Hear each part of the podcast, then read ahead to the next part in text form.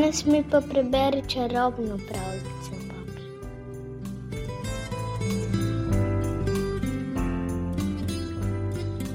Vse so vse pravljice čarobne, mar ne? Danes bom prebrala vabanakusko pripovedko Čarobna punčka iz sladke trave. Vabanaki je pleme ameriških staroselcev, ki živijo na severovzhodu ZDA v državi Maine. Sladka trava je ena izmed štirih svetih rastlin ameriških staroselcev. Imenujejo jo tudi lasje matere zemlje. Posušeno travo uporabljajo kot kadilo za privabljanje vsega dobrega. Ob tlenju sladke trave se sprošča sladek in pomirjujoč von. Prisluhni. Kajak je bil deček iz plemena Vabanaki. Živel je že davno v davnini. Bil je najmlajši, a najbolj bister od vseh sedmih sinov. S puščico je znal streljati naravnost, plavati, teči ter boriti se je znal bolje od vseh svojih starejših bratov. Veliko je premišljeval in se vsega lotil. Seveda so njegovi bratje postajali ljubosumni in so ga večkrat poskušali poriniti v težave, ter staršem in starejšim o njem pravili laži. Kajak je imel zaradi tega težave, in ko je bil star dvanajst let, se je odločil, da odide od doma. Dan za dnem se je vztrajno uril. Hotev se je prepričati, da bo tekel hitreje kot njegovi bratje in ga ne bodo mogli ujeti, če mu bodo sledili. Učil se je streljati s puščico in jo ujeti, še preden je priletela do tarče. Vse to je ponavljal znova in znova, vse čas streljal in tekel hitreje in hitreje. Kmalu je tekel hitreje kot jelen. Mama je imela kajaka zelo rada. Vedela je, da je nesrečen in da želi zapustiti dom. Tako mu je, medtem ko je vadil, sešila nove mokasine, da bi mu varovali noge na njegovem potovanju. Izbrala je mehko srnino usnje in vsak šiv ubodla z ljubeznijo in skrbnostjo. Ko so bili mokasini gotovi, jih je podarila kajaku. Deček jo je poljubil slovo in potem naslednje jutro v novih mokasinih stekel od doma. Ko je tekel skozi gost, ga je oddaleč opazoval veliki poglavar Gluskap mogočni stvarnik plemena Vabanaki, kateremu je bil deček zelo pri srcu. Uganil je, da je kajak poleg tega, da je hiter in močan, tudi prijazen in odkrito srčen. Odločil se je, da ga bo preizkusil. Tako je Gluskap stopil v gost in se pretvarjal, da je šibak star mož. Šepal je po poti le malo pred kajakom, in ravno ko je deček pritekel mimo, spustil preden majhno škatlo. Kajak se je ustavil, da bi jo pobral. Rad bi pogledal vanjo ali jo skril v svoj žep, ne da bi kaj rekel, a je le zaklical. Hoj, hoj, dedek, tale škatlica vam je padla na tla. Naj vam jo prinesem? Hvala ti, prijazni dečko, je odgovoril Gluskap s tresočim glasom. V tej škatlici nosim nekaj meni zelo dragocenih stvari. Kajak se je nasmehnil staremu možu in ga prosil, ali mu lahko pove, kam vodi pot, se še ni hodil po njej. Stari mož je dejal: Pot vodi do vasi Mikmak, je zelo naporna, polna kamenja in bodic.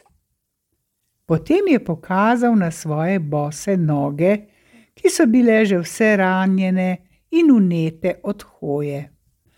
Kajak je takoj sezul svoje lepe mokasine, rekoč: Dragi dedek, tvoje noge že krvavijo. Vzemi moje mokasine, ker so moje noge mlade in lahko tečem hitreje, kot jelen. Ko se je kajak pripravljal, da steče proč, je starec segel v rokav ter mu dejal: Vzemi to škatlico in jo skrbno varuj. In izginil.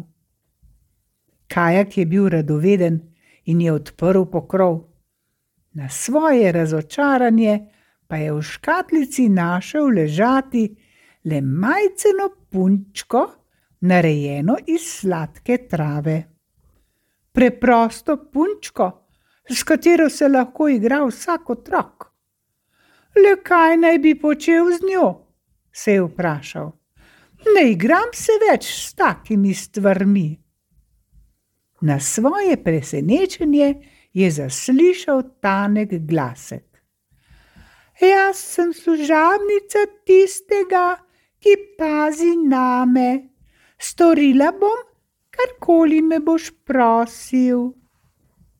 Zdaj je bil kajak zelo prestrašen saj je vedel, da je njegova punčka čarobna in da je moral biti stari mož čarovnik. Ne vedoč, kaj naj stori, je punčko hitro stlačil nazaj v škatlo in stekel, dokler ni končno prispel do vasi Nikmak. Vaščani so kajaka toplo pozdravili in ga prijazno pogostili. Potem so ga odvedli v bivališče svojega poglavarja Maguča. Poglavar je bil ravno na lovu, poleg ognja pa je sedela njegova edinka. Bila je tako očarljiva, da se je kajak v trenutku zaljubil vanjo. Stara indijanka mu je povedala, da se deklica imenuje Sebusis. Povejte, prosim, Maguču, da sem zelo žalosten, ker sem tako osamljen in da bi rad vzel Sebusis za svojo ženo, je rekel Kajak. Vprašala ga bom, je odgovorila stara indijanka. Ampak bojim se, da ne merava Maguč omožiti svojo hčerko s tubejem, mladeničem iz našega plemena. Ko se je Maguč vrnil, mu je starka povedala za Kajakovo ženitno ponudbo in poglavar je privolil srečanje z njim. Kajak je stal na vhodu v poglavarjev tipi in čakal, da ga bo povabil noter. Kmalu ga je poklical. Ko sta malo poklepetala, se je Maguč zbal mladeniča, ki je bil precej bister in je imel pamet in voljo, kakor on sam. Izval ga je z nemogočo nalogo. Ta velika gora na obzorju me ovira pri lovu. Pojdi in jo premakni, pa boš dobil mojo hčerko, mu je dejal. Prepričan je bil, da kajak ne bo zmogel takega junaškega dejanja in bo raje odšel, da ga ne bo več vznemirjal. Kajak pa se je potiho zasmejal in sprejel težko nalogo. Počakal je, da je sonce zašlo, potem pa, ko ga nihče ni opazoval, odprl svojo škatlico in poklical čarobno punčko iz sladke trave, da bi mu pomagala. Tisto noč so zrak napolnili nenavadni glasovi, ki so prebudili Maguča. Ko je ob prvem svitu prilezel iz tipija, je ogorčen ugotovil, da je gora izginila. Ampak namesto da bi bil hvaležen, je postal besen in spreletel ga je strah. Ta mladenič je očitno imel moč in zbal se je, da bi ga njegovi ljudje kmalo začeli bolj spoštovati kot njega, starega poglavarja. Sklenil je, da se kajaka znebi. Poklical ga je k sebi in mu rekel: Tam na drugi strani jezera živi sovražno pleme ki nas vse čas izziva in sili v boj. Če boš uspešno vodil mikmaške junake proti njim, ti dam svojo hčer za ženo. Vedel je namreč, kako močni bojevniki so na drugi strani jezera, in verjel, da bodo kajaka ubili. Ko so mikmaški junaki zvedeli za Magučev načrt, so se zbali za svoje življenje in so skušali kajaka zadržati. Mladenič pa jih je opogumil in jim dejal, naj ne skrbijo, ker bo z veseljem samo odšel nad sovražnike. Tako je kajak odšel sam, vaščani pa so ostali v svoji vasi. Slišali so večurno bojevanje, ki se je odvijalo tam prek jezera, potem pa je vse utihnilo.